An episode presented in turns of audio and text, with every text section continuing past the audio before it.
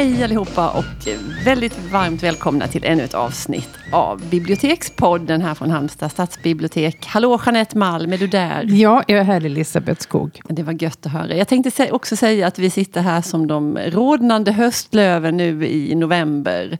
Mm. Och det är ännu ganska milt. Jag är dagen. ganska överens med november, men idag är det bara den andra, så det mm. kan gå över. För annars är det inte favoritmånaden, Nej, om man säger så. Men vi får se om november kanske ändå kan leverera. Ja. ja, vi får hoppas det. Och idag är jag jätteglad, för vi ska prata om min favorit, ett favoritämne. Eh, en sport faktiskt, det är ju inte så vanligt här i podden. Nej. Det är en sport till vilken jag hyser en obesvarad kärlek, kan jag genast ja. avslöja. Jo, den är, är helt ganska obesvarad. Nej. emellanåt. Vi ska prata om tennis. tycker jag hör varje torsdag. Igår spelade jag mitt livs match. Det har jag hört ett antal gånger. Det verkar ju liksom, det fortsätter. Så det...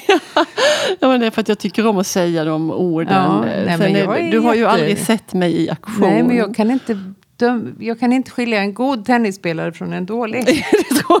Kom och titta när jag spelar. Du, jag vet ingenting. Jag visste Nej. inte ens att man spelar liksom. Jag trodde att det var på tid, ungefär som hockey. Att man spelar i... Att det var slut. Att, att det perioden var slut. Var slut. Exakt, mm. men sen tittar ni bara helt frågande mm. och lätt milt förakt på mig och förklarade att det är ett antal Nej, jag kan inte Du behöver inte veckla in det. Men då, en tennismatch kan bli väldigt, väldigt lång i ja, alla fall. Varför så kan det, den bli det då? Ja, men det beror på hur man räknar. För att man måste vinna med två bollar.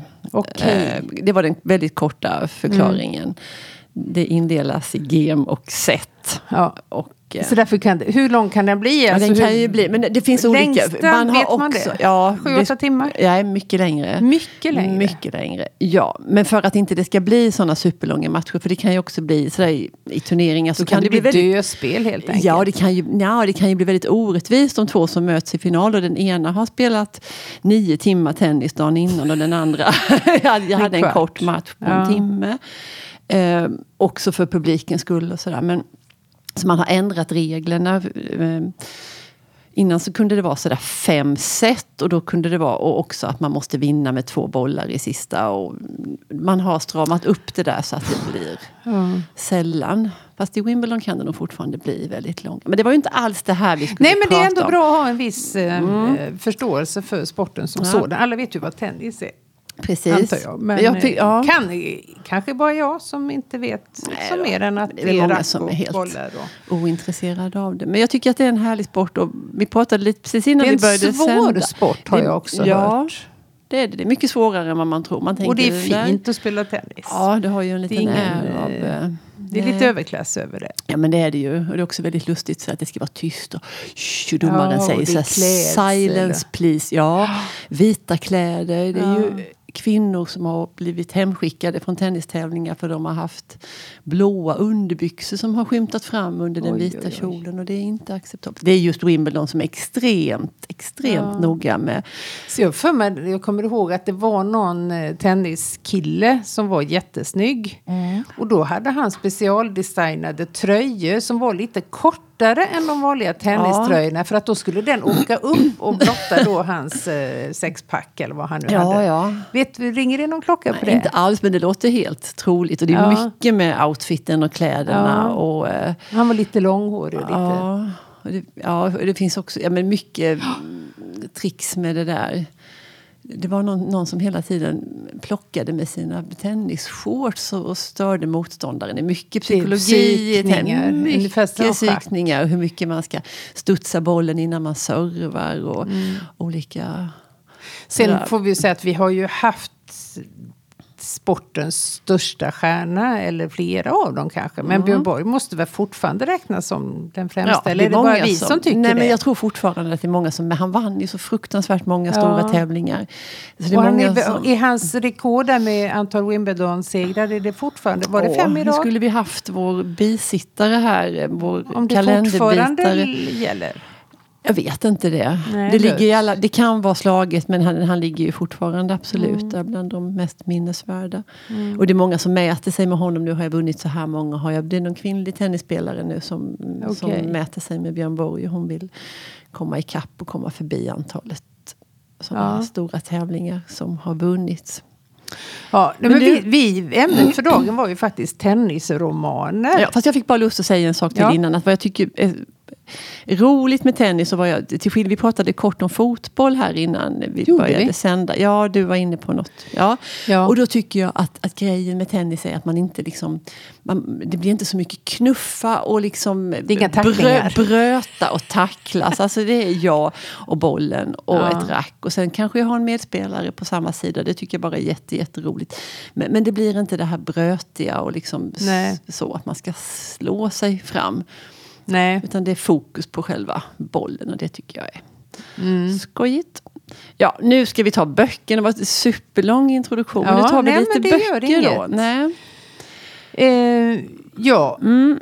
Vi har två romaner som vi har vaskat fram och det, då ska det sägas att det, när man sökte så fanns det ju hemskt många fler. Mm som heter sådär Tiebreak och, som, ja. och Björn Hellberg ska vi inte glömma Nej. i detta sammanhang. Han skriver ju jättemånga deckare men det finns en, några eller någon han av dem. Han kallas för tennisoraklet ja, från Laholm har jag för mig.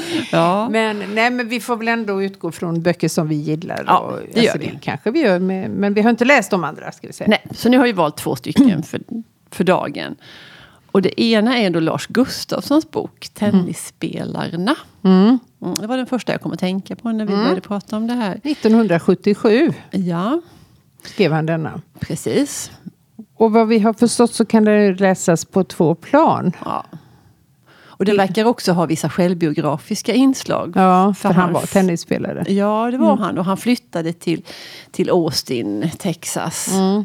Um, Precis som huvudpersonen gör i den här boken. Ja. Och, och eh, ska göra någon sorts akademisk karriär där. Mm. Um, och den handlar väl mycket om liksom, kulturkrockarna och det här paradigmskiftet i samhället. Som, ja, kalla kriget. Ja.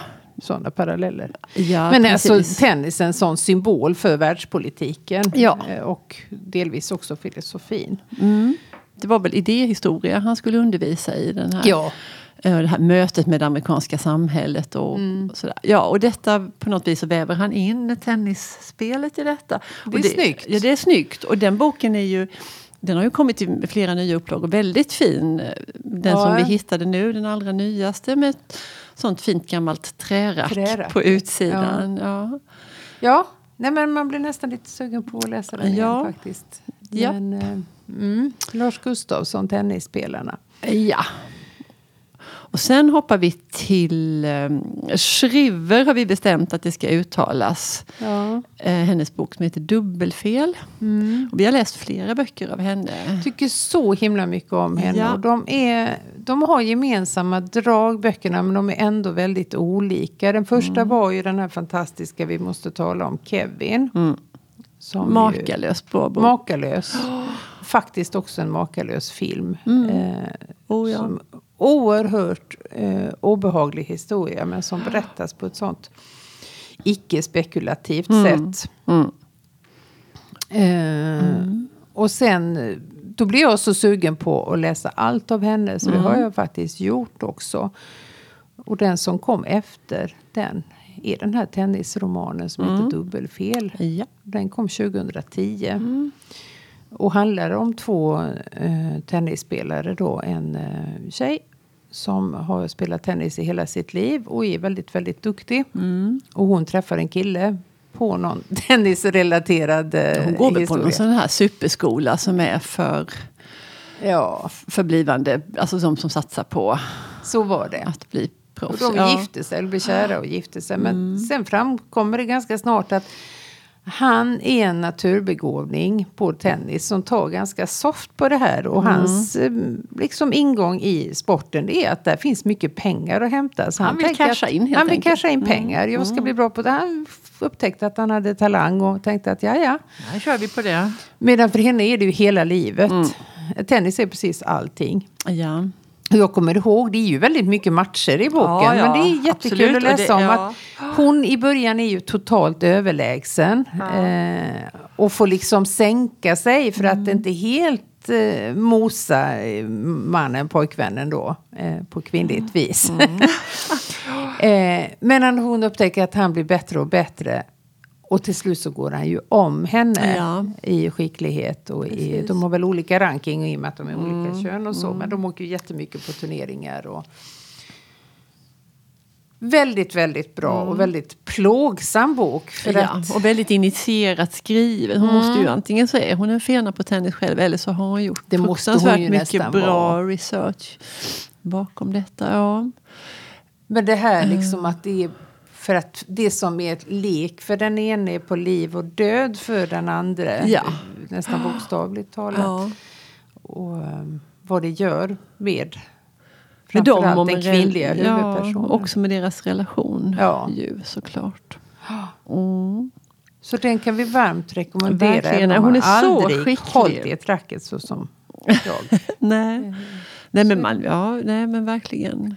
Uh, nej, men de, de är, de är liksom på något vis ganska lättlästa, hennes böcker. Samtidigt så är ja. de väldigt eh, superintressanta och väldigt välskrivna. Mm. Och uh, heder åt sådana författare tycker ja. jag. Jag upptäckte mm. när jag kollade lite grann att hon har faktiskt skrivit en novellsamling som inte är översatt mm. till svenska mm. än. Och det tycker vi ju att den ska göra. Ja, hör ni det bokförlagen? Ja. Tag och översätt. Uh, för den senaste jag läste om henne det var ju den här om fetma. Mm. Om hennes, som heter Storebror. Storebror. Mm. Och innan dess så skrev hon en om en man vars fru får cancer och hur långt man ska gå i mm. Ja, När ska det. man ge upp? Eller hur? Ska man testa ytterligare och ytterligare? Alltså de får ju gå från hus och hem. Det här är ju USA och det är ju Allting jättedyrt. Kostar. Det ja. kostar. Mm. Och när ska man inse att nej, men det här, hon kommer inte att bli frisk? Mm. Den är också väldigt bra. Mm. Jag kommer inte ihåg vad den heter. Men eh, det är i alla fall den författaren, Leonard Shriver. Mm. Då har men vi, vi slagit ett en... slag. Ja, men så vill jag också säga någonting om, om en jätteintressant, oavsett vad man tycker om alltihopa detta med tennis så kan man läsa en biografi om eh, John McEnroe. Mm. Eh, som handlar nästan lika mycket om Björn Borg och den handlar om tiden för deras berömmelse och liksom tankar och eh, reaktioner och relationer bakom. Och, um, men det har skrivits ganska, det var en liten reportageserie med långa reportage som gavs ut i pocketform. Ehm, jag vet inte om sånt pågår längre. Jag hoppas det, för det var välskrivet och intressant. Men om man får veta om John McEnroes uppväxt. Han var ju så fruktansvärt strängt hållen och hans mamma var verkligen en riktig Ja, vad man nu ska säga. Om han kom hem från skolan och hade haft 99 rätt på ett prov där man kunde ha max 100 så, så frågade hon varför hade du inte 100 då? Ja. Vad var det med den där andra, sista frågan som inte du kunde? Inte fan vad bra. Han var, han var aldrig bra nog i hennes ögon. Um, och så blev han också en av världens bästa tennisspelare. Och han var ju väldigt, han var känd för sitt det vet sitt humör. Han var ja. oerhört eldfängd. Och ja. det kastades racketar och det skälldes på domare. Gapades och, och skrek. Och skrek. Mm. Eh, total kontrast till Björn Borg som Precis. var ju väldigt kylig och inte visade några känslor överhuvudtaget. Inte någonting. Nej, men också att det var, för det hade jag inte någon kläm på innan, men att det var just de här mötena med Björn Borg som var McEnroes. Det var det han strävade efter, deras möte. Precis. Ja. Eh, det var bara matcherna mot Björn som var intressanta och som gällde något egentligen ja. för McEnroe. För de slog som första platsen ja. då i världen under yes. ganska många år. Under flera år, ja. ja. Um, och när Björn Borg slutade då så blev det ett sånt dråpslag för McEnroe. Han kunde verkligen ja. inte bara ta in det. detta. Nej, han tappade ju helt, tror han gick in i en depression och blev Oj. väldigt ja, men ifrån sig och förtvivlade över detta och försökte under flera, flera år övertala Björn Borg att komma tillbaka. Ja. Um, jag tror att de, de hade en ganska schysst relation vid sidan av. Kompisar utanför? Ja, det tror jag de var. Att de ja. på något vis ändå kunde... Att det fanns ett mått av ömsesidighet i det här. Att de tyckte mm. om att spela mot varandra. Mm. sådär. Sen tyckte väl alla om att just liksom visa på de här olikheterna mellan dem. och sådär. Mm. Men att det fanns en... Nej, men det är klart att det är jättetacksamt att få sådana Visst, ytterligheter. Precis.